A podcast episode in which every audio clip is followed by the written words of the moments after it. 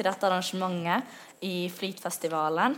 Eh, både til publikum og til deg, Sumaya. Takk skal du ha. Eh, mitt navn er Ayan. Ja, og mitt navn er Lesin. Eh, og dette prosjektet, eller dette arrangementet, er det andre i prosjektet vårt Uredd, som handler om ung, det å være ung og troende.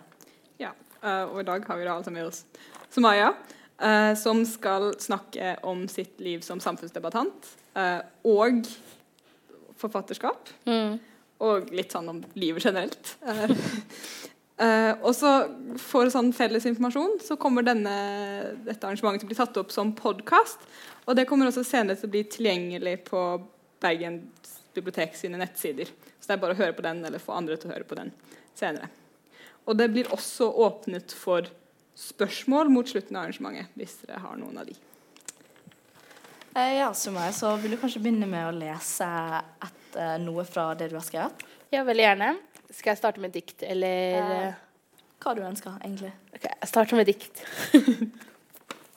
Fra min siste diktsamling, 'Melanin hvitere enn blekemiddel'.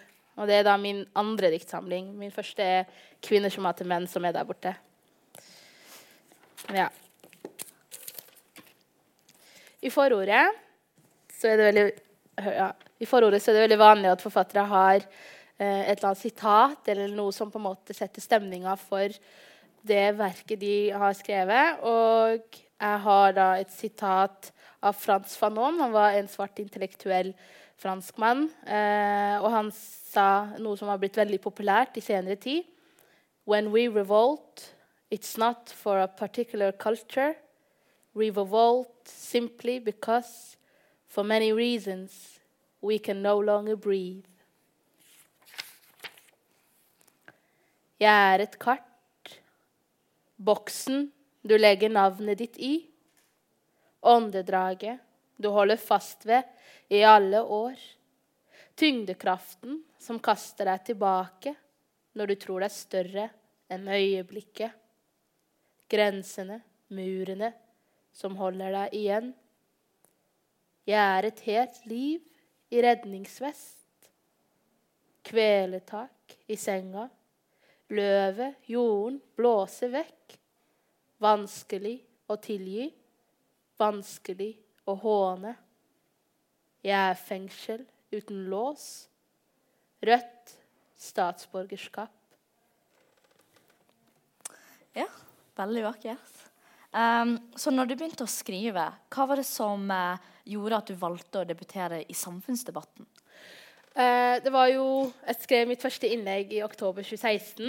Eh, og det var gjennom eh, Aftenpostens ungdomsplattform, som heter Side.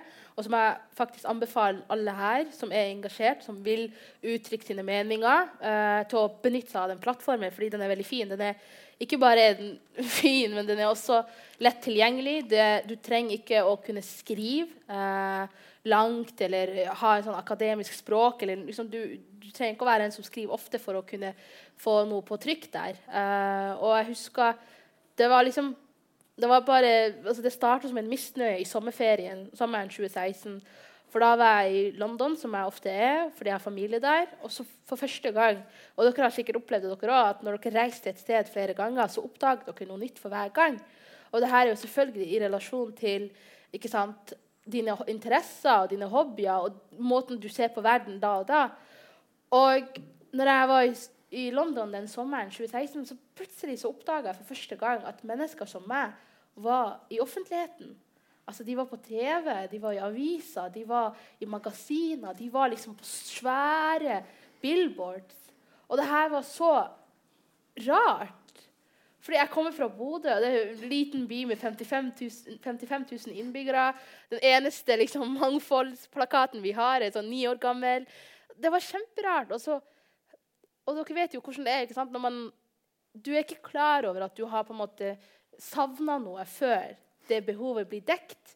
Så da liksom, jeg, husker, jeg, ble, jeg, følte, jeg, husker spesielt en episode hvor jeg sto uh, hvor, hvor, vi var på underground, jeg og tanta mi, og så sto jeg foran en svær billboard med en dame i hijab. Og jeg bare så på den i sånn ti minutter, og det syntes tanta mi var så rart. Hun var sånn Det her er jo helt vanlig. Men det var ikke vanlig for meg. Så reiste jeg selvfølgelig hjem igjen etter sommeren var ferdig, til Bodø. Og da så jeg liksom Jeg, jeg var på utkikk etter den samme anerkjennelsen. ikke sant? Fordi at, at du er i offentlig i samfunnet, betyr jo at du blir anerkjent. At du liksom, man sier samfunnet er stolt over deg. Samfunnet viser deg frem. Så kommer jeg til Bodø, og så ser jeg ikke det samme. Og så skapte jo det, dette sant, en sånn misnøye. Jeg gikk rundt og var nedstemt. Jeg gikk rundt og med spørsmål. Hvorfor er det ikke sånn? Hvorfor er, har vi ikke kommet like langt som det de har i London? Og så eh, bare husker jeg kom over Aftenpostens side, og så Jeg vet ikke. Det, var, det er ikke sånn åpenbaringsøyeblikk jeg husker når jeg liksom tenkte jeg skal få dette ut. Eh, og jeg skal skrive, Men jeg gjorde det, og så fikk jeg venninna mi til å trykke 'send'. Jeg turte ikke helt på slutten. Men, og resten er på en måte historie. Men det, liksom, det var det som starta det. da. Så det var misnøyen med å ikke se deg selv representert? Ja. Og, og så tror jeg at det Altså, du Og det, det, tror jeg også er et annet, en, måte, en annen tips jeg har til andre unge som er engasjert og som vil få det ut. det er Hvis du føler på veldig mye, ikke sant? få det ut i skrift. Fordi språket ditt blir så engasjerende. Ikke sant? Skrivestilen din Du engasjerer andre bare av å uttrykke deg. Og det er det jeg anbefaler. Sånn, føl veldig mye. Føl mye sinne, føl mye frustrasjon, føl mye alle forskjellige følelser. Og bare få det i skrift. fordi det er det som på en måte kan bære deg videre. da. Så det er det som er på en måte motivasjonen din da, til å være, fortsette å være aktiv i denne debatten? At du har denne misnøyen som du vil få ut, eller? Ja, altså det starta jo med det. og Jeg husker jo de senere innleggene mine. ikke sant? Etter andre innlegget tror jeg handla om eh, Det var et sykehjem i Stavanger, faktisk. Som, eh, et privat sykehjem i Stavanger som ville forby to ansatte som brukte hijab, å bruke plagget sitt. Og det her begrunna de da med å si at å, det er for de eldres beste. Eh, og det er for de eldres trygghet. Plutselig en dag så blir noe som før ikke var et problem, et problem. Og han, styrelederen, når han, liksom med, altså med TV 2, så sa han liksom at det er på tide at vi slår hardt ned på alle disse religiøse, også ikke-religiøse plagene osv. Men så så man jo ut i, lenger ut i intervjuet at han egentlig bare var fokusert på islam og muslimer. For han sa sånn Å, nå er det på tide at muslimer får svi, og sånne ting. Um, og det, fikk, det provoserte meg, det også. Fordi jeg tenkte at hvis man tillater hijabforbud i Stavanger, så er det ikke lenge til det også kommer til Bodø. Og da skrev jeg, og det var jo sånn de første innleggene mine var, at det var liksom stor, altså en sånn sterk følelse uh, av kanskje en avmaktsfølelse, men også bare sånn Enten det var sinne eller frustrasjon, så fikk jeg det ut. Og jeg, anbefaler, jeg anbefaler jo det, men det, på en eller annen tidspunkt så må man jo på en måte benytte seg av fakta og sette opp i en sånn logisk framstilling også, da. Ikke bare si 'jeg er sint', 'jeg er fortvila'. Var det, var det, det samme for deg når du begynte å skrive dikt, eller var det liksom annerledes? Hva var det som gjorde at du gikk fra liksom være aktiv i samfunnsdebatten til å begynne å bli poet? Også det er liksom ikke noe sånn, en sånn åpenbaring. Jeg husker, jeg husker datoen og klokkeslettet jeg ville skrive en diktsamling. Men jeg tror det var det der at Jeg tror det jeg fikk veldig mye ut av norskundervisninga, hvis jeg kan peke på det. Jeg gikk jo på videregående, og der har man jo, som sikkert flere av dere vet, man har jo norskundervisning, og så har man, man analyserer dikt og skal se tilbake på eh, Fordype seg i ulike tidsånder. Og jeg husker politiske dikt. ikke sant? Arnulf Øverlands 'Du må ikke sove'. Sånne dikt talte til meg direkte, fordi jeg så det de på en måte, det diktet viste, eller det diktet snakka om, så jeg også i samfunnet vårt i dag.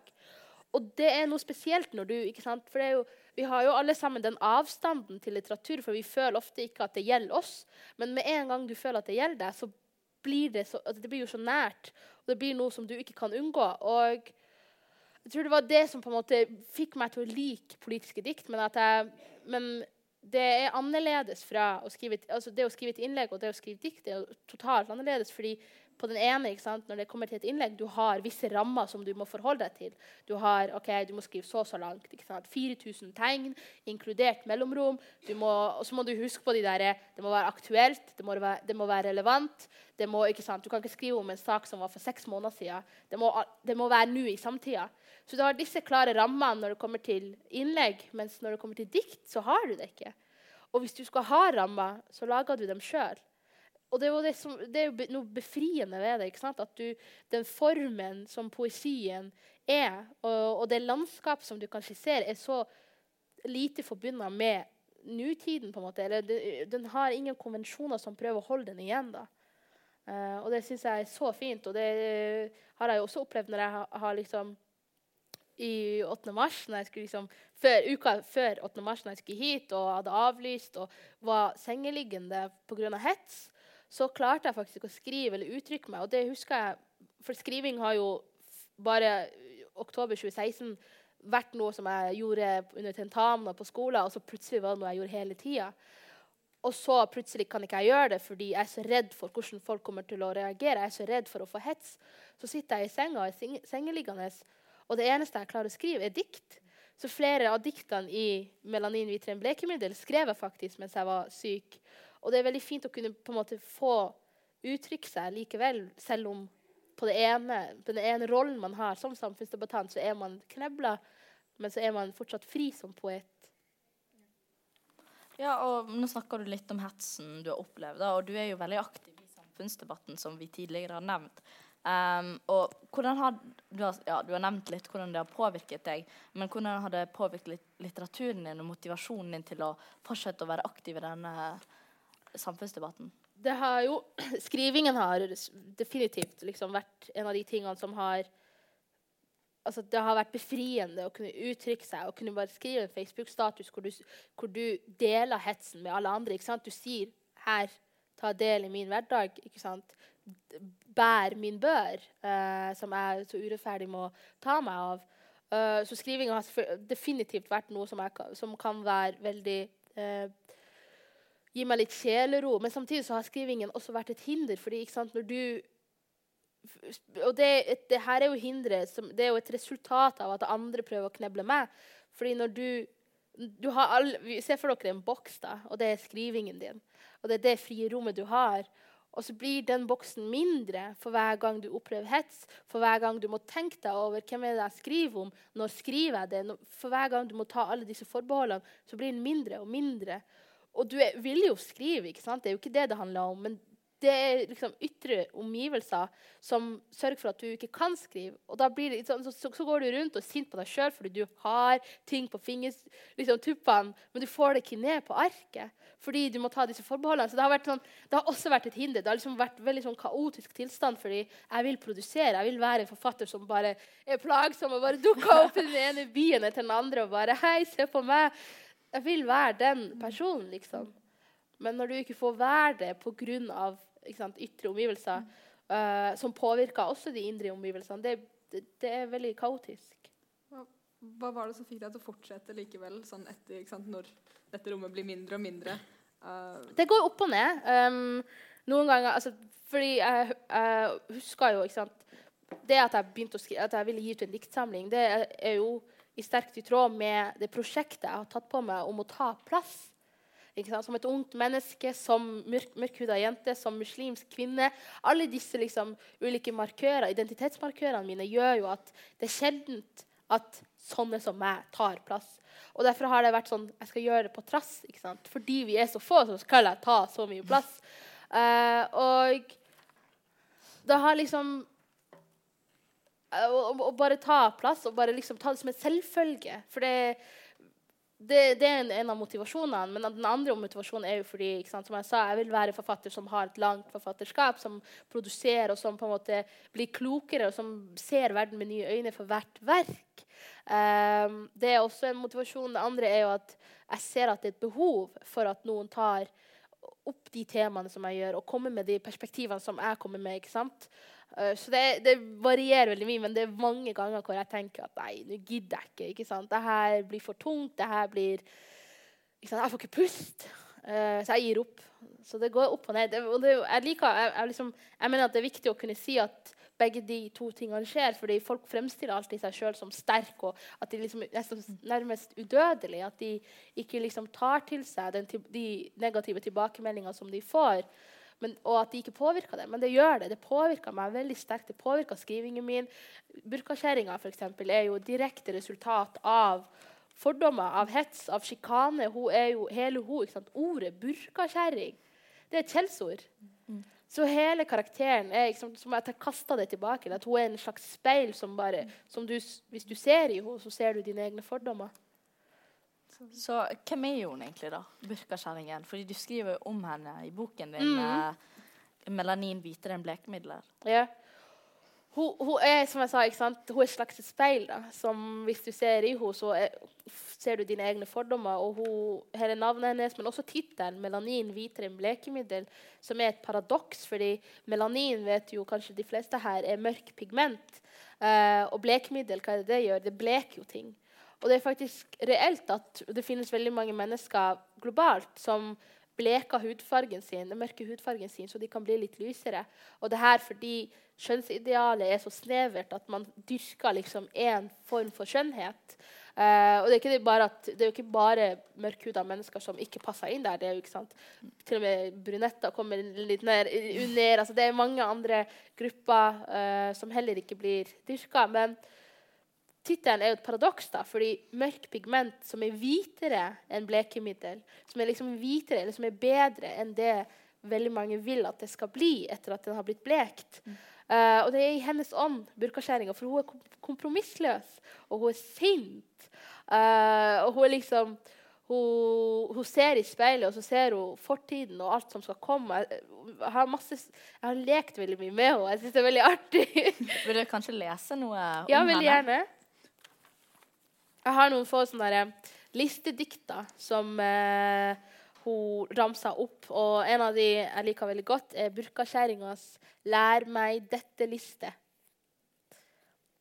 1. Mat meg sivilisasjon. Lær meg å bruke kniv, gaffel og skje. 2. Kle av meg Somalia. Kle på meg Norge. 3. Lær meg hvordan man dusjer behandler menn. Fire. Vis meg hvordan trå forsiktig. Lyve hvitt. Fem. Vis meg hvordan farge meg liten. Seks. Vis meg hvordan spise druer. Sofistikert. Syv. Bad meg i vestlig kunnskap. La det skylle vekk mitt brune barbari. Veldig fint. um, ja, nå glemte jeg helt hva jeg skulle si. Men uh, hva var tankene dine bak dette diktet?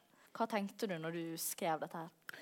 Og det her diktet, ja, for det er jo som jeg sa med tittelen, det er i den derre at man hele tiden blir fortalt hvis du går fra A til B, så er du på et bedre punkt. ikke sant? Og hun sier jo ikke sant, 'lær meg hvordan man dusjer'. Veldig mye av dette er det er en slags form for hån mot de folkene som kommer, som serverer henne en forestilling på den perfekte kvinnen eller på den perfekte eh, personen, da, eller måten den personen skal uttrykke seg hvilke, altså, Spis druer, men du skal spise det på en spesiell måte. På en sofistikert måte. Du skal ikke bare kaste munnen. Du skal liksom tygge sakte. og og lære meg hvordan man dusjer, behandler menn. ikke sant? Det der, og bare kaste det tilbake om at det er visse måter du skal behandle menn. Eller, og alle disse, eller, eller det med liksom, Lær meg vestlig kunnskap, eller gi meg vestlig kunnskap. La det skylle vekk mitt brune barbari. Det som ikke er godt nok. Så det, hele diktet er en sånn ironisk eh, hån fra hennes side, hvor hun bare kaster tilbake alt det For hun er igjen hun er et speil og kaster tilbake det du sender henne av fordommer. Og hun sier til deg at å ja, du vil at jeg skal gå fra A til B. ok, La meg vise deg hvordan du vil at jeg skal gå fra A til B. Uh, og la meg gjøre det på en måte som, på en måte som du forstår at det her er absurd. Så har du opplevd det mye at liksom noen antar at uh, det er bra for deg å gå fra A til D og prøve å pushe deg mot det de vil? Ja, hele tiden. um, ikke så veldig mye nå for tiden, faktisk. men jeg opplevde veldig mye i begynnelsen. at det var Spesielt før jeg etablerte meg som en offentlig stemme, så var det veldig mange som diskrediterte meg. Eh, som på en måte skyv, skyvde meg ut av de, ulike debatter. Og det er pga. at jeg bruker hijab, eller fordi jeg går som jeg går eh, kledd.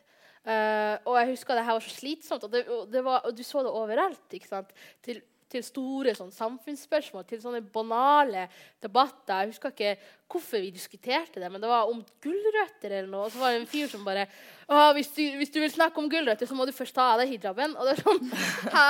Du, er du seriøs? Så det liksom Det dekte alle slags temaer. Og, og, du får det hele tiden. Enten det er fra folk som vil at du skal, du skal bruke hijab, uh, men de vil ikke at du skal ta opp de og de temaene. Så det går, kommer fra alle, alle mange ulike kanter. Uh, og det er jo Det har ikke vært slitsomt for min del, fordi jeg har vært så på en måte jeg, Og det, det, vil jeg si at, at jeg har vært veldig heldig, fordi gikk, i oppveksten min så gjennomgikk jeg en identitetskrise. Så når jeg gikk på videregående, og det var da liksom jeg eh, debuterte i norsk offentlighet, da var jeg liksom på trygg grunn. da. Eh, jeg var trygg på meg sjøl, jeg visste hvem jeg var, jeg visste hva jeg ville gjøre. Um, og da var, liksom, når du er trygg på deg sjøl, så er det veldig lett å bare skjerme deg sjøl for, eller ikke ta til deg de, disse, altså, disse forsøkene på å gjøre deg til noen du ikke er. Føler du at det offentlige ordskiftet har blitt hardere i det siste, eller føler du at det er vanskeligere for deg siden du er muslimsk, og du er svart og du er kvinne? Mm. Jeg tror faktisk ikke, for det, det der er veldig sånn altså, gjengs oppfatning om at det har blitt mer polarisert og har blitt hardere. ikke sant? Og, men jeg, jeg, tror faktisk ikke det. Og, jeg, og det. og, når folk snakker om det, så peker de på ikke sant, eh, hets og på eh, kommentarfeltene. Man sier sånn 'Å, se på kommentarfeltene', og 'se så ille det er der borte'. Men jeg tror det, disse, disse, holdningene eller disse fordommene jeg tror de alltid har vært der. Det er bare det at Med Internett så er de mye mer tilgjengelige, og de er overalt, og du ser dem. ikke sant? Du kan ikke unnslippe dem. Jeg kan ikke unnslippe dem. Ikke, for, det, for, enkelte så er det bare kommentarfelt. Men for meg så er det innboksen min på Instagram, mm. på, på, Facebook, på Twitter. Det er postkassa mi hjemme i Bodø i form av hatbrev. Skrevne, håndskrevne hatbrev. Det er kan, og Et resultat av all den hetsen er jo voldsalarmen som jeg kjenner mm. vekta på når, man, når, jeg må gå rundt med den, når jeg må lade den på natta. Eller det er andre, andre, ting som at jeg kan ikke ha enkeltmannsforetak som veldig mange andre frilansere og forfattere fordi jeg kan ikke ha offentlig adresse. Mm. Uh, og det er som at svære arrangementer som jeg er på, så kan jeg ikke være alene. Må, politiet må være der. Og det, du ser det, ikke sant? Vi ser det forskjellig, uh, alle sammen, og vi har forskjellige forhold til det. Uh, og det jeg syns er veldig synd, i hvert fall, er at det er ikke det at det har blitt mer polarisert, men jeg, jeg vil si at det er enkelte ting, og det sier også forskere, at det er enkelte ting som ikke var på en måte lov, eller ikke var sosialt akseptert å si for ti år siden, som nå er helt vanlig å si. Og jeg husker for, Ikke for noen dager siden, men for tre uker siden da jeg var hjemme i Bodø og bare slappa av med familien min i en uke, så uh, delte jeg seng med storesøstera mi. Og hun så på 22. juli-filmen uh, den på Netflix. Jeg vet ikke om noen har sett den her. Men, og der har du sant, selvfølgelig Anders Behring Breivik, og han, liksom, han, har jo ideologien sin som han frem og han, si, han sa sånn at å, nå må vi drepe landsforræderen eller et eller annet sånt. Og da det, den ideologien eller det tankegodset kom frem i 2011, så var det så, så rart. Det var, det, var, var øyeåpner for veldig mange andre, for vi visste ikke at sånne holdninger fantes. Mens der jeg satt i senga hjemme i Bodø, så hørtes det helt vanlig ut. Ikke fordi jeg nødvendigvis er utsatt for det der hver eneste dag, men fordi det er overalt. Vi har organisasjoner som Human Rights Service, som er statsstøtta. Og det her er organisasjoner som fremmer daglig rasistiske, negative forestillinger om innvandrere, om muslimer. Så det er, det er, overalt. Og det er mye mer jeg vil si det er mye mer akseptert, men det er, ikke, det er, ikke på, det er på, ingen måte liksom nytt eller uh, mye, at det har blitt mye mer. Vi bare ser det mer pga. teknologien, vil jeg si. Uh, føler du 22. juli også har vært eh, viktig for holdningen til folk på dette området? Altså liksom, Har det påvirka eh, Du skriver jo litt om det mm. i uh, 'Ikke vær redd sånn som meg'. Eller, ja, om det har liksom vært viktig for ja, For holdningen til folk i, og hvor, hva som er akseptert å si i forhold, liksom, etter det kom ut. Ja, jeg vil si at de første årene, og, og fortsatt, at det, det har altså, man, man bare, Hvis man bare ser på ros og man ser på måten man reagerte på? Man skulle reagere med mer kjærlighet, mer åpenhet. Um, og det har selvfølgelig satt sine spor, og det er veldig bra. Men det som, og jeg skriver om det i boka, det var en av de tingene jeg ville lese. Men det jeg syns er veldig synd, er at vi fordi vi på en måte sier at vi skal bare se fremover, og vi skal på en måte alle sammen skal elske hverandre, og vi er mer mangfoldige osv., så, videre, ikke sant? så på en måte skyver man problemene, eller den, ideologien, eller det tankegodset bak det angrepet, det terrorangrepet, man skyver det under teppet. Om, og hvordan skal man på en måte komme seg på ordentlig måte. ikke sant? Hvordan skal vi se fremover og komme oss videre hvis vi ikke adresserer problemets kjerne? Uh, og jeg skriver i 'Ikke vær redd sånn som meg', som er min nynorske sakprosa, at en av tingene som er 22. julis eh, skygge, det er muslimhatet. Mm. Fordi Anders, og Jeg husker jeg var jo 13 år, og det skriver jeg om liksom, hvordan det var å oppleve dette som en 13-åring. Men jeg mener at som 13-åring så følte jeg liksom, når jeg leste om det og leste avisartikler som fortalte hva som sto i hans manifest, hvordan han tenkte, hvorfor han gjorde det han gjorde, hans motivasjon, så kom det frem at han, var, liksom, han hata eh, flerkultur. Han hata islam og muslimer. og Han skulle straffe Arbeiderpartiet for at de hadde tillatt og det skriver jeg i boka, at det var det jeg tenkte, at de hadde tillatt at mennesker som meg kan bo i Norge. Du kan jo gjerne lese det hvis du vil. Veldig gjerne. Men det er litt langt. da. Vi må... Men jeg kan godt lese. ja. Skal vi se 20... Det er for nynorsk. jeg vet at vi ungdommer ikke er så fan av det. Det var heller ikke jeg på videregående. Hvis noen hadde seriøst sagt til meg du skal skrive nynorskbok, så hadde jeg ikke trodd på det. Men det har jeg gjort. Det er kult. Så, ja.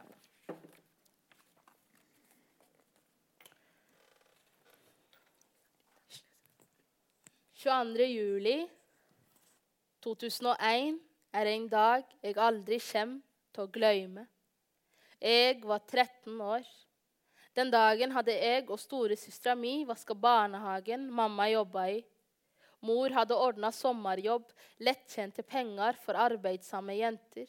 Det tok oss bare én time å vaske hele barnehagen. Jeg vaska andre etasje, mens storesøster vaska første. Vi konkurrerte om hvem som vaska raskest og mest effektivt.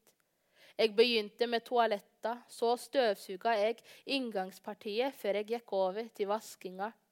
Jeg pleier å være den som var ferdig først, mens storesøster vaska best. Etter jobben drog vi til nærbutikken og kjøpte båtis. Jeg husker at jeg bare åt sjokoladen rundt båten. Jordbær i is hadde jeg aldri likt. Vi kom hjem. Vanligvis ville vi sett på somaliske kanaler, men akkurat denne dagen 22. juli så vi på Dagsrevyen. Jeg og mamma satt i stova. Storesøster var på rommet sitt i første etasje. Øynene våre var limte til TV-skjermen. Hjertet mitt hamra. En mann hadde sprengt ei bombe i regjeringskvartalet. Hjertet mitt hamra. Han hadde på seg politiuniform. Hjertet mitt hamra. Jeg sa Bismillahi ar-Rahmani ar-Rahim. Bismillahi ar-Rahmani ar-Rahim. Subhanallah. Bismillah. Ja, Allah. La han ikke være muslim. Han ja. ja. Beklager. Nei, jeg kan stoppe der. Ja, fordi um, Jeg kjenner meg veldig mye igjen i akkurat det. Ja. Fordi jeg husker når, vi, når det skjedde, at um, jeg som niåring tenkte akkurat det samme. La Ni det, år. Ni år tenkte Herregud. jeg la det ikke være en muslim. Mm. Fordi på den alderen så visste jeg også da hva konsekvensene ville ha vært for oss. Mm. Og det skriver jeg liksom i jeg skriver, Det er en setning jeg skriver eh, etter hele 22. juli. Um, delen Den er litt lang, da, men Skal vi se. Setningen er ikke lang. Det er delen som er Ja. Sånn i relasjon til det du sa. Jeg var 13, og jeg slapp ikke unna det politiske. Jeg bar det med hele meg. Altså, selv om vi var unge, så slapp vi ikke unna det politiske. Og du var 9, jeg var 13, og det var noe vi måtte forholde oss til. Og det, det syns jeg er så synd, fordi lillebroren min er jo 12 år, og jeg vil ikke at han skal måtte, måtte forholde seg. Det er en ting å ville forholde seg til det av egen fri vilje, men det er noe helt annet når det blir uunngåelig. Når du merker hvordan vennene dine ser på deg mens de snakker om 9-11.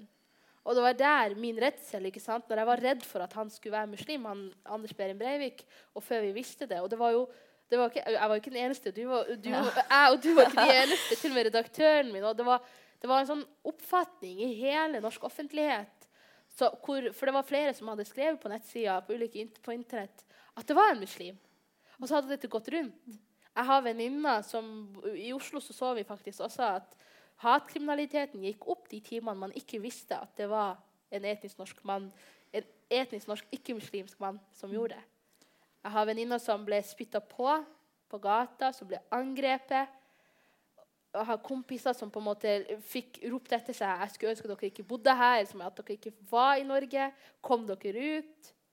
Og det er helt sjukt, på en måte, fordi man blir holdt ansvarlig for én persons handlinger. Mm. Jeg har hørt deg lese det før, og jeg har lest det flere ganger selv òg, men jeg får like mye frysninger hver gang. Jeg kan, ikke, jeg kan, ikke, kjenne meg igjen, men det er bare et eller annet som stikker så utrolig hardt. Mm. Um, det er så utrolig vondt å høre at, uh, det, ja, at det er sånn realiteten er. Men ja. Det, ja, det, det, det, men det jeg syns er mest synd med det, er egentlig bare at man, man, blir nødt til å forholde seg til noe som man Hvis andre ikke hadde på en måte skjøvet det i din retning, så hadde du ikke hatt noe med det. Mm. Og jeg lurer på, fordi jeg skriver senere Det er jo først nå som 20-åring at jeg forstår ringvirkningene. Jeg forstår hvilken altså, ekstremt stor påvirkning den dagen hadde på min identitetsfølelse. Fordi Etter den dagen så visste jeg at jeg ikke var norsk. Men før det så hadde jeg aldri reflektert over om jeg var norsk eller ikke. Og det er så rart å plutselig miste noen som du før ikke hadde på en måte sagt at du var. Uh, nå har vi snakket litt om det kjipe da, med å være samfunnsdebattant. Uh, men hva er høydepunktene i ditt liv som skrivende og samfunnsdebattant? Det er jo sånn som dette. Å kunne liksom besøke andre byer. Jeg er blitt veldig glad i Bergen. Jeg har vært der en del ganger nå.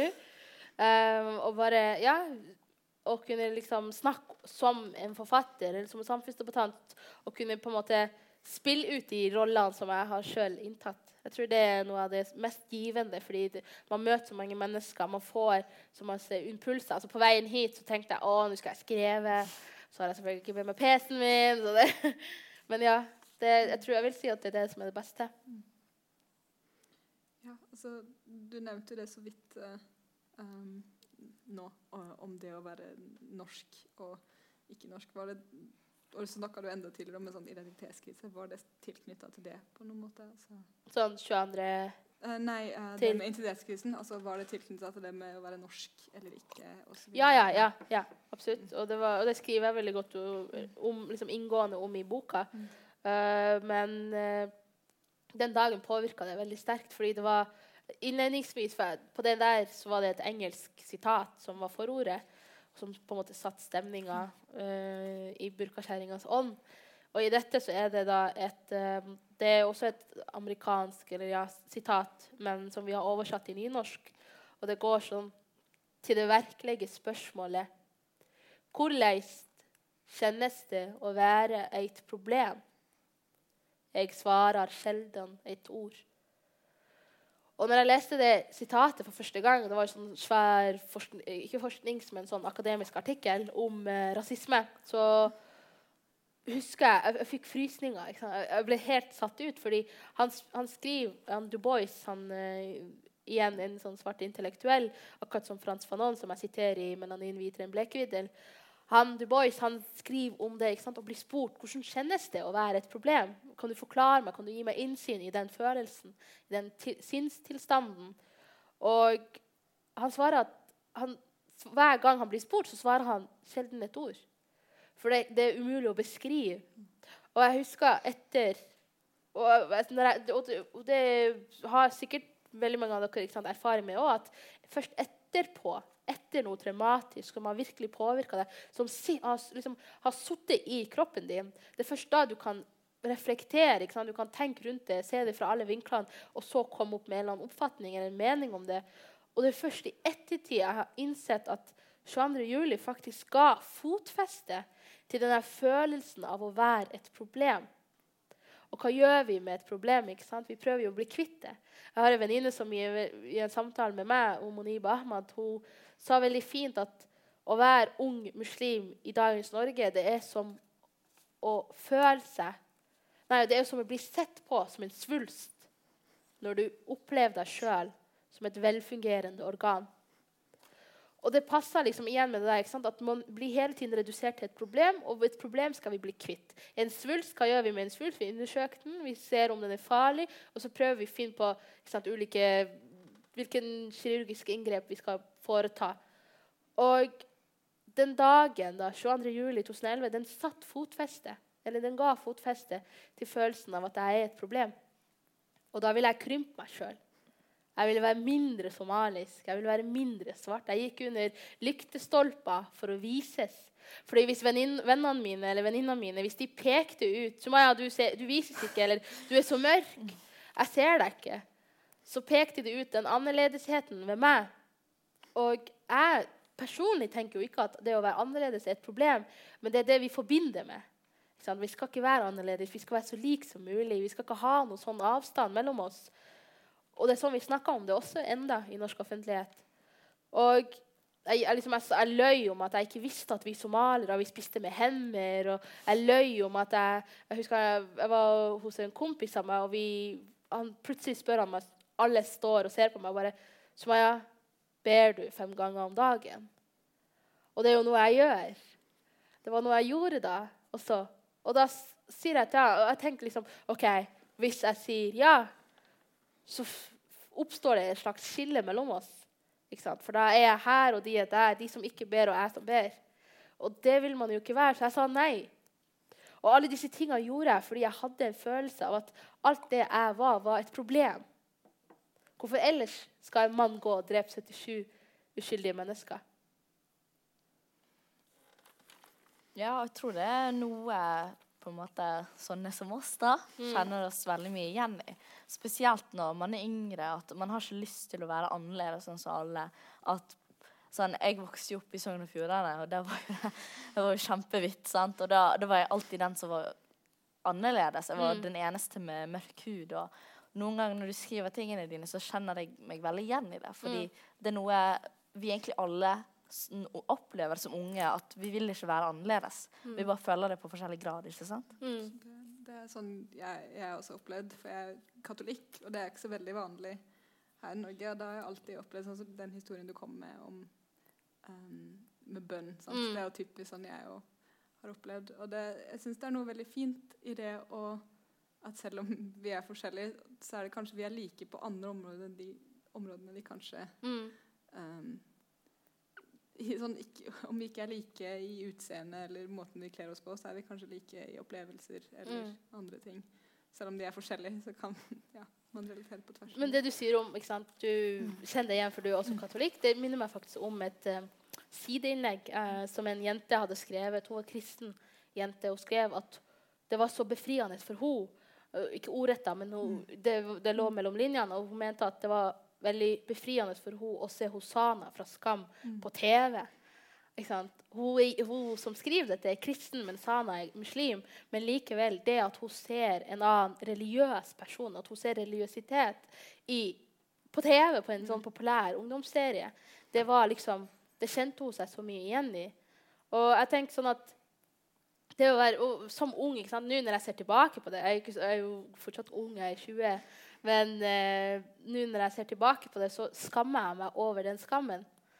Og jeg prøver liksom, når, jeg, når ungdommer eller skriver til meg eller kommer opp til meg og spør om jeg har du råd, har liksom, hva skal jeg gjøre, liksom, jeg har dette problemet, skal jeg gjøre det mindre, så sier jeg liksom nei, du skal liksom gjøre mer av det som er problematisk for andre. For vi skal ikke måtte krympe oss sjøl for å tilfredsstille andre. Og det er så synd at man på en måte, og kom, disse, disse, kravene kommer fra overalt. Det kommer fra vennene dine, det kommer fra kompisene dine, det kommer fra kjæresten din, det kommer fra mamma og pappa. Det kommer fra folk som er i innerste sirkelen, folk som du føler eller du opplever at du har ikke råd til å skuffe dem.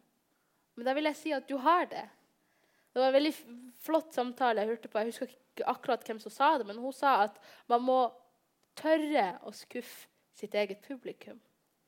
Og det syns jeg er så viktig. og Det, synes jeg, sant, der, det motet som skal til for å skuffe, for å bane sin egen vei. For, å, for det, det, er jo det man blir sett på. ikke sant? Hvis du ikke går med, hvis du sier til en venn din Jeg husker jeg gikk ofte med på Eller jeg sa aldri ifra at ordet neger plagde meg så mye at det rykka i meg hver gang jeg hørte det. Og jeg lot bestekompisene mine, venninnene mine, jeg lot, jeg lot, dem bruke det. For jeg ville ikke være vanskelig. Jeg ville ikke være hun som ikke sant, satte kjepper i hjulet og liksom fikk stemninga til å bli ødelagt. Men nå vil jeg være det. Jeg vil heller være hun som ødelegger stemninga, enn hun som går på, i kompromiss i kompromiss med sine egne følelser og skal på en måte forhandle vekk det hun sjøl føler. sin egen, altså at Hvorfor skal jeg måtte være ukomfortabel for at du skal være komfortabel? Kan ikke vi begge være komfortable? Kan ikke vi skape et rom hvor vi begge liker oss? Hvor vi begge har det hyggelig, hvor vi begge føler oss anerkjent, respektert? ja. Men uh, har du noen forbilder, da? Noen som du ser opp til, som har inspirert deg til å gjøre det du gjør i dag? da? Eller som har ja, kjempet ban eller banet frem veien? da? Har, jeg har jo altså, Jeg er veldig heldig som har et, på en måte skvist meg inn i et veldig fint nettverk med medievante folk som på en måte står på hver dag, som har inspirert meg. Um, men uh, når det kommer til forfatterskap, så har jeg begynt å forgude nærmest hun Vigdis Hjorth. Uh, jeg vet ikke om dere har helt sikkert hørt om henne. Jeg anbefaler veldig at dere leser om henne også, selv om man på en måte kanskje vil forholde seg til ungdomsbøker foreløpig. Jeg husker jeg elska Gone-serien og Hunger Games og uh, House of Night elsker jeg så mye. Herregud, Jeg tror det var en av de inngangene mine til litteratur. Uh, og jeg husker når jeg var på sånn bok nummer to, så, lurte, så googla jeg serien for å finne ut ok, når blir den ferdig, for jeg er veldig utålmodig. Så så jeg hadde, Det var en serie på tolv bøker, og så satt jeg sånn Må jeg lese alle, så leste jeg alle. Men det, selv om man liksom vil lese ungdomsbøker, så anbefaler jeg også å lese voksen, liksom, litteratur for voksne, fordi det kan virkelig liksom, Du kan begynne du, du beveger deg i et rom som du ellers ikke gjør, og det er spennende, syns jeg. Så Vigdis Hjorth elsker jeg veldig mye. Jeg liker veldig mye eh, poesien til Athena Farrokhzad, eh, Johannes Anjuru eh, Veldig mange forfattere som jeg på en måte leser om. Ja, sånn.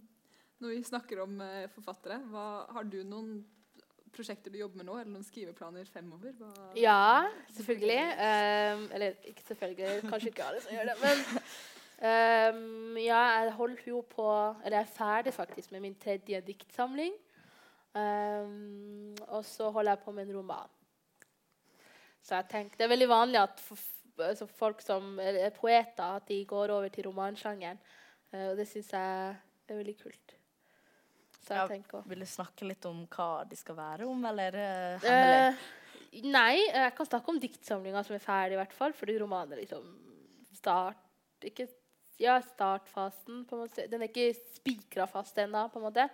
Men eh, diktsamlinga skal handle om en eh, flyktningjente som heter Samira, som flykter. Eh, og vi skal følge henne gjennom ikke sant? Eller vi følger ikke henne gjennom reisen sin, eller fluktreisen, men vi følger henne først når hun er i havet, og så blir hun redda. Eh, og det hele, det jeg prøver å si med hele samlingen, da, den er veldig dyster, men det er at flukten sitter ennå i kroppen, selv lenge etter at du har nådd havn, og du har fått tak over hodet og liksom mat i magen osv., og, og du er trygg og du har fått oppholdstillatelse. For det er en sånn oppfatning vi har om at flyktninger og asylsøkere at de liksom, med en gang de har tak over hodet, med en gang de sant, befinner seg i en um, permanent tilværelse. Ikke sant? For det er ofte midlertidig. Ikke sant? Plutselig så er du ikke lenger asylsøker, du har fått oppholdstillatelse. Nå er du fri til å skape et liv. Og så tenker vi at nå er du, er alt det vonde ferdig. Det traumatiske du har opplevd, sitter ikke ennå i kroppen. Og det jeg vil vise med den diktsamlinga, da, 'Havet tar det det ikke gir', det er første gang jeg sier tittel uh, offentlig Med den diktsamlinga vil jeg vise at det er ikke tilfellet at flukten sitter ennå i kroppen. Uh, og jeg skriver i et av diktene, de tidligste diktene at hun sier sånn I redningsbåten fikk jeg aluminiumsfolie. I redningsbåten fikk jeg medisin. I redningsbåten ble jeg reddet, men sinnet er enda på flukt. For det, det, er det psykiske som fortsatt er på flukt, selv om kroppen er, befinner seg i en permanent tilstedeværelse. Ja, fordi det er ikke noe som er veldig snakket om, egentlig. Nei. Um, på en måte De psykiske problemene og, psykiske problemene og alt det traumet mm. um, asylsøkere og flyktninger sitter igjen med. Mm. Og for meg så var ikke det før læreren min nevnte det at ja, det er jo forskjell på innvandrere. Det er jo arbeidsinnvandrere. Mm. Og så er det de som flykter fra krig. Mm. Og noen ganger så kan ikke de jobbe, fordi de har jo traumer. Og det var ikke før han sa det, at jeg satt igjen og var sånn Å ja, men det er jo faktisk sant. Nettopp. Og det er jo ikke sant det, altså, vi, vi, vi, ser det jo ikke. Det er jo også det som når det kommer til psykisk helse, at det vi ikke ser problemene En person som virker helt spesielt også Psykisk helse og depresjon og sånne ting øker jo faktisk blant oss unge. Uh, og jeg tror det er, sam, sant, det er en sånn sammenheng mellom at vi har en oppfatning om at hvis du ser bra ut, hvis du ikke har noen synlige liksom, uh, funksjonsnedsettelse, eller hvis du ikke har noen synlige sår eller skader, så kan du ikke ha det vondt. Men det er jo ikke tilfellet i det hele tatt. Selv om vi snakker mer åpent om psykisk helse, så er det likevel, når det kommer til asylsøkere, så har man ikke man, er ikke man har ikke kommet til det punktet hvor man aksepterer at det her, altså posttraumatisk stressyndrom f.eks. veldig utbredt blant veldig mange som ikke engang vet om det sjøl, som ikke har språket til å søke hjelp. Som ikke har språk, ikke bare til å søke hjelp, men også at de institusjonene som skal hjelpe dem, de har ikke nok kunnskap. Uh, eller den nødvendige sant, kunnskapen til å hjelpe dem. Alle disse tingene vet vi. Altså det, det, som, det, er så neglisjert, på en måte. Det vet vi så lite om. Så dikt, det er ikke det at det her blir da Den er jo politisk sånn sett, men det er ikke sånn, det er ikke sånn politisk i den sånn um, Olaug Nilsen, fantastisk bok, uh, 'Tungtidstale'. Uh, en bok hun har skrevet, eller en roman som hun har skrevet om sin sønn, da, Daniel, som uh, har en funksjonsnedsettelse. Og den skrev hun i motivasjon for å, I begynnelsen så skulle hun hevne seg på hjelpeapparatene som svikta, og så senere så ble det da terapi. Men min diktsamling er ikke en sånn form at jeg liksom skal Den er ikke politisk i den forstand, eh, men den er jo politisk fordi den forteller om en politisk tilværelse som vi alle befinner oss i nå. Ja. Um, um, har du noen råd til eh, andre som har lyst til å begynne å skrive? Ja, skriv. det er det letteste rådet. Bare skriv, og så les om Følg med i norsktimene, vil jeg si. Fordi jeg husker jeg, jeg, vet ikke, bare plutselig en dag så For vi følger jo alle med. ikke sant? Man er jo til stede. Selv, man, men man kan være til stede og samtidig ikke være til stede. Det vet vi jo. Kan litt og samtidig ikke ta det inn over seg. Men begynn å gjøre det, fordi det er veldig mye av litteraturen som på en måte vi, har, vi, vi får vite om, som vi får innføring i, som er dagsaktuell, som er liksom viktig for deg som person nå. ikke sant? Uh, jeg husker Alexander Kiellands mid 'En middag'. Synes jeg plutselig, når jeg, Læreren snakka om den i mange timer, og så en dag leste jeg den sjøl. Og så bare så jeg at det her er jo så aktuelt. ikke sant? Unge som snakker til voksne, og som blir bedt om å liksom, hysj, det er noe som vi alle finner oss i. Ikke sant? Den der oppfatninga om at de voksne vet best, og at vi unge vi er, vi er barn, vi vet ikke best. Um, men det er veldig mye litteratur fra den tida som vi får lære om, som er aktuell for oss, og som er viktig, og som kan hjelpe oss i å sant, utvide horisontene. Uh, så skriv. Følg med i norsktimene. um, og les veldig mye. Det vil jeg si. Og så tro også at du det er veldig mange som venter på å få mikrofon, venter på å bli tilbudt en eller annen liksom, 'Kom, nå skal du bli med, og jeg inviterer deg til dette.' Eller 'du skal sitte i dette panelet.' Du må ta mikrofonen sjøl. Det er også en veldig viktig ting. fordi jeg husker når jeg leste og leste i oppveksten min, så tenkte jeg aldri at jeg kunne bli forfatter. Så du må tørre og du må våge å ta den plassen du sjøl har lyst til. Fordi du har, fordi den, og du må tørre å tro at den plassen er din.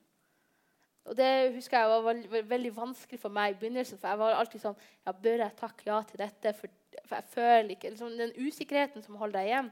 Bare liksom, kom deg ut av den. Nå er dere ganske heldige, da, for nå får dere faktisk tilbudt mikrofonen. for deg gangs skyld. Eh, så nå åpner vi for uh, spørsmål fra salen. Uh, så da er det bare å rekke opp hånden hvis dere har noe dere lurer på. Å ja, skal vi ha mikrofon? Ja, okay. Hallo? Ja, du hører? Ja. Hei. Um, aller først og fremst, veldig, jeg blir veldig rørt av å høre på når du snakker. Det treffer meg. og Jeg blir veldig glad når du sier at vi vil ha mer av det selv. ikke sant? Mer åpenhet og det å tørre å ta mer i din plass. Det gjør meg utrolig, utrolig glad, egentlig. Det er også motiverer meg. Um, men mitt spørsmål er litt også at um, uh, Hvordan reagerer du hvis noen kommer og glemmer på en måte da, at du kanskje ikke har de samme tradisjonene ikke sant, som folk i Norge tar som en selvfølge?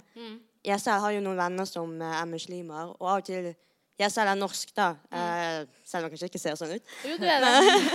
Men uh, Og så tar jeg tar konfirmasjon som en selvfølge. Ja. Og jeg har en som er muslim, og da spør jeg på sånn plutselig ut i mitt hode så spør jeg ja, hvordan skal du konfirmeres. Men det er jo ikke en, gjerne en tradisjon. Fordi, og da, hvordan reagerer du da? Blir du glad, eller føler du på en måte at oi, nå kjenner du ikke meg? Uh, wow, det var et godt spørsmål. Ehm, det varierer jo fra person til person, men jeg tenker at man må ikke ta for altså det der er sånn en slags minefelt. da, for man, Ofte så føler man man gjør aldri rett. For hvis du tar for gitt at denne personen um, er vant til Eller uh, altså personens kultur ikke sant? For nu, vi kan jo snakke om det å være muslim, og så har du sant, eh, Det fins jo ikke noen muslimsk kultur. Muslimer er jo mange ulike folkegrupper. Så har man alle folkegruppene har sin egen kultur. Jeg som somalisk muslim kan ha en helt annerledes kultur enn hvis du var muslim og du var etisk norsk. ikke sant? Eh, men vi, vi har jo sant, disse kulturene. Vi har somalisk kultur, og så har vi jo også Alle vi har jo egen kultur. Spesielt når man bor i et land og man har to kulturer, så lager man jo sin egen kultur.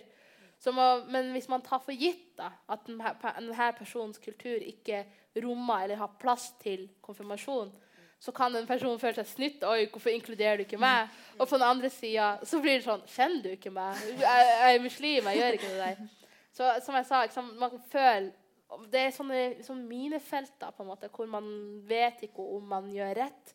Men jeg tror du må bare bli bedre kjent med den personen. Jeg personlig hadde nok ikke tatt meg nær av det, nei. Og jeg drar jo på konfirmasjoner til vennene mine. Jeg, har ikke, jeg, har, jeg hadde ikke sjøl konfirmasjon som 15-åring, men det er jo også i tråd med at da var jeg liksom ikke så sikker på min norske identitet eh, og min norskhet. Uh, men det varierer, så du må liksom bare bli bedre kjent med personen. Og, så, og man kan jo alltids uh, hvis person, jeg, jeg tenker at spørsmål bør ikke skade, men jeg vil også åpne opp for at det kan være provoserende. eller For, for vi, vi tenker alltid sant? Det, det skal ikke være det, skal, det, det er fint å være nysgjerrig, det er fint å spørre og inkludere. Og?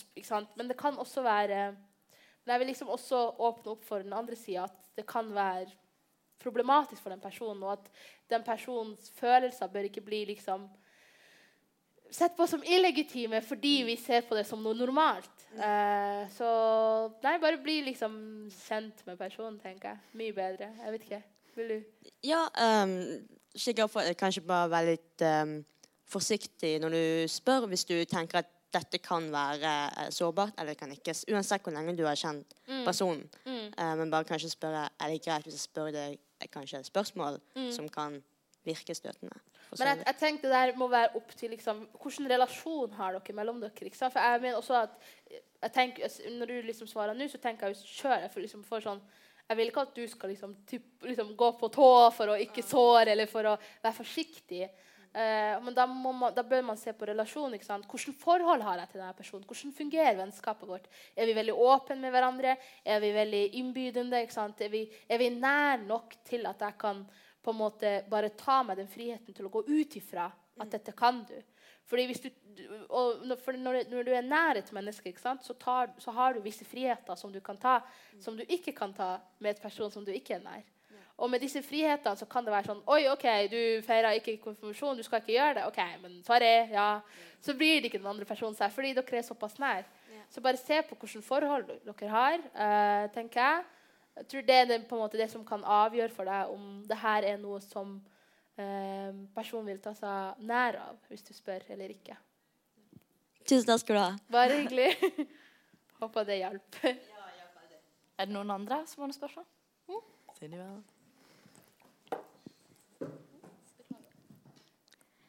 Eh, har du noen tips til hvordan vi kan takle hets eller hersketeknikker, da?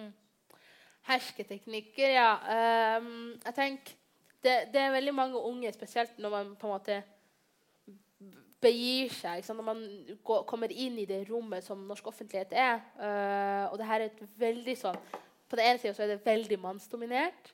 Det, det ser man med en gang som kvinne. eh, og på den andre sida er det veldig sant? Det, det her er for de voksne. Som voksenarena. Eh, og det veldig mange unge mennesker gjør da, er å på en måte etterligne de voksne. De bruker ord og begreper og uttrykk som de ellers ikke bruker, fordi de føler de må. Og, og sånn, de gjør seg til. Eh, og går på mange måter inn i en sånn rolle som de føler er forventa av dem, fordi ellers kan de ikke befinne seg i det rommet. Eh, og det tenker jeg er helt feil, og det er ikke noe man burde gjøre. eh, fordi du går sant, Du får handla vekk deler av deg sjøl for å tilfredsstille andre. Um, og jeg husker, jeg, har, jeg husker det var en kompis av meg som sa til meg Sumaya, det som er fint med dine Facebook-innlegg når du skriver så masse, det er i hvert fall det at det er forståelig for alle, og du later ikke som at du er noen du ikke er. Og hvis du skriver et vanskelig ord, så formulerer du det altså Du gjør det lettlest for absolutt alle. Uh, så bare benytt det språket som du har sjøl. Det, det er et veldig godt tips til folk som på en måte vil ut. Uh, og ikke gjør deg til. Bare vær deg sjøl og benytt det språket som du sjøl har. Eh, takk. Bare hyggelig.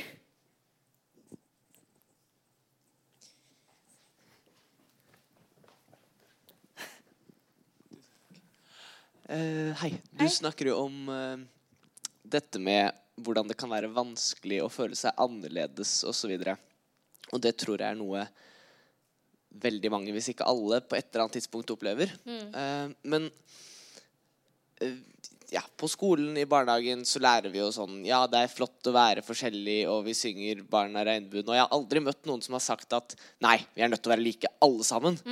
Eh, hvorfor, hvorfor er det ikke da Hvorfor er det ikke da godtatt å være annerledes når vi hele tida snakker om det som noe positivt? Ja, eh, det, jeg tror det er liksom i tråd med at Ikke sant Vi har som, men, bare sånn menneskelig natur eh, Det ligger i vårt natur at vi er vi, vi, liksom, vi er mer interessert i mennesker som ligner på oss. Eh, og det trenger ikke nødvendigvis å være sånn utseendemessig, men bare sånn Hvis du har samme interesser som meg, så får du plutselig sånn, sånn poeng i mine øyne som du ikke hadde fått hvis du ikke hadde det. Hvis du elsker den samme filmen som jeg elsker, elsker den samme forfatteren som jeg elsker, så blir du plutselig en helt annen person. Du står i høyere, høyere hos meg enn det du gjort, det du hadde gjort ellers. Og det ligger i vår natur å bare liksom å bli så glad i eller så, å fordype oss i folk som Eller omgi oss med folk som er lik oss. På interesser, på hobbyer, på sant, tankemåter. Altså det de gjør, måten de kler seg. Alle disse tingene. Vi vil liksom være i vår egen gjeng, da, hvis jeg kan si det på den måten. Og da blir det liksom Da blir, da blir det den der avstanden, da. Man, man skyr den. Man vil ikke ha noe med den å gjøre. Og det er jo derfor vi ser Jeg husker mange ganger jeg opplevde opplevd når jeg skal på ta bussen til videregående i Bodø, så står jeg der ikke sant, på busstoppet, og jeg glemmer aldri et ansikt. Og det er flere ganger jeg har opplevd at de samme personene har, ikke, de samme personene, men sånn, folk jeg har tatt buss med flere ganger, har glemt av de gangene jeg har vært på telefon og snakka norsk, eller eh, vært med venninner og snakka norsk. og så Plutselig så kommer de springende en dag og så spør de sånn oh, best, best number two left? Og så sier jeg Nei, det har den ikke. Og så blir du så skamfull, og så sier du 'Oi, jeg visste ikke at du' Og så blir det stille, og fullfører ikke setningen. Visste ikke at du kunne norsk. ikke sant? Og så sier jeg 'Jo, jeg kan det', og 'Hvor lenge har du bodd der?' Så skal de liksom snakke med deg lenge for å liksom kompensere med det de gjorde. Og, og da opplever jeg liksom at plutselig så blir jeg en som med en gang jeg svarer på norsk, med en gang jeg snakker og svarer på de spørsmålene som de kommer med etter hvert sånn, 'Oi, du har bodd her i 13 år.' 'Ja.' Jeg, liksom, 'Å, du bor attmed meg.' Og så blir du plutselig Du blir mindre At jeg kan språket, gjør, ufa, ufarliggjør, hvis du skjønner hva jeg mener. Det gjør at den avstanden mellom oss blir mindre. Og det opplever jeg med de menneskene, for plutselig vil de være bestevennene mine. Og jeg tror det er derfor at vi på en måte det, det, det, som er annerledes. Vi hyller det, vi dyrker det. Men det er jo en trend som bare i senere tid, spesielt med sosiale medier, har kommet til. Brace yourself, everyone's beautiful. Alle de tingene. Og ja, gir det liksom mening? jo da. Ja. Så jeg, jeg, tror det er det det er. Men, jeg, det, men det er menneskelig. Jeg tenker at vi, det, vi skal ikke legge det trenger ikke å være noe negativt at vi vil omgi oss med mennesker som er like oss. Men det som er negativt, er at vi tilegner mennesker som er annerledes, noe, noe, mindre verdi. At vi ser på den andres religion eller at vi ser på den andres etnisitet, den andres væremåte, den andres interesser og hobby som noe underordna våre egne. Det er da det blir negativt. Og det er jo det som er problemet, egentlig. For det å være annerledes, det dyrker vi. Men når vi tillegger det, det som er annerledes, med det som er negativt, når vi ser på det som Når vi lager sånn uh, si, likhetstegn mellom dem. Det er da det blir problematisk, vil jeg si. Ja. Skal vi ta et siste spørsmål? ja.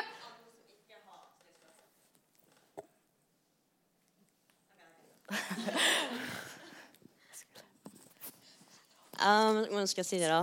Uh, som jeg sa i stad, så er jeg norsk, men jeg er jo adoptert. da. Og jeg føler selv at jeg sitter imellom eh, to kulturer. Mm. Og når, hvis noen spør meg sant, ja, er du norsk, nei, er du kinesisk, så vil jeg si nei, jeg er begge deler. ikke sant? Mm. Uh, for eksempel, jeg er født i Kina. Syn, mener du at det er problematisk å si det?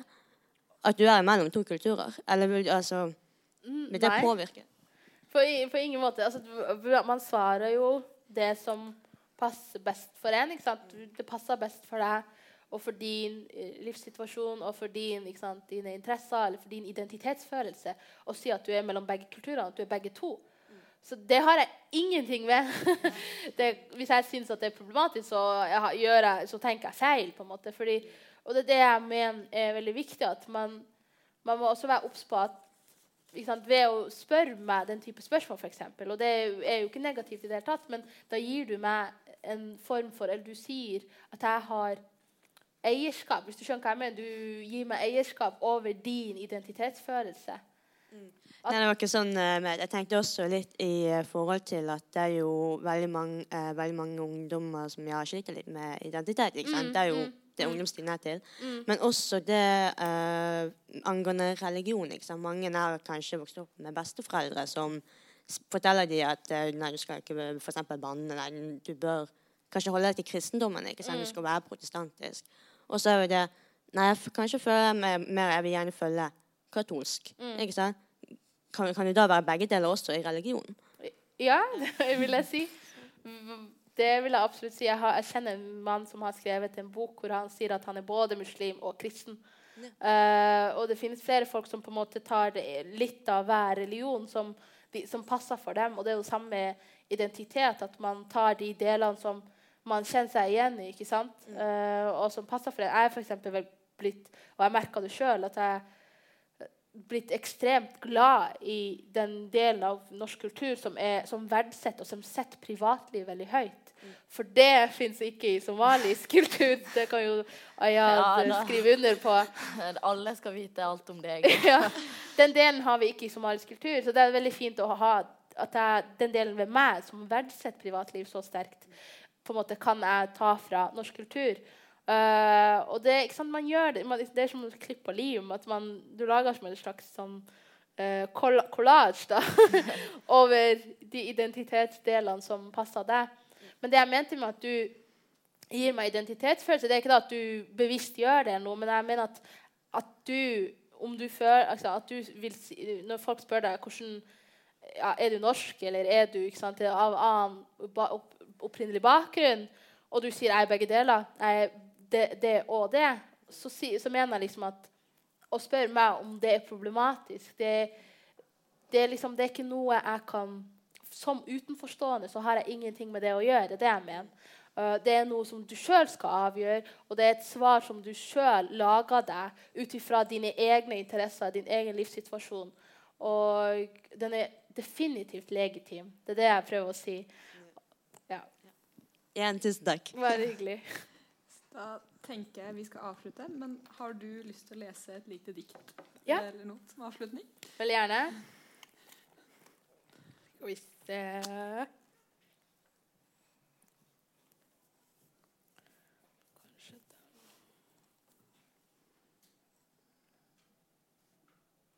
Ja, tar den, da. Burkakjerringa og jeg er på ferie. Her er vi ingen, sier hun. Her er vi hudløse, sier hun. Her har vi verken innvandret eller utvandret. Her er vi hudløse. Hvorfor er du så stille? Her trenger du ikke å være stille. Tusen takk. Bare hyggelig.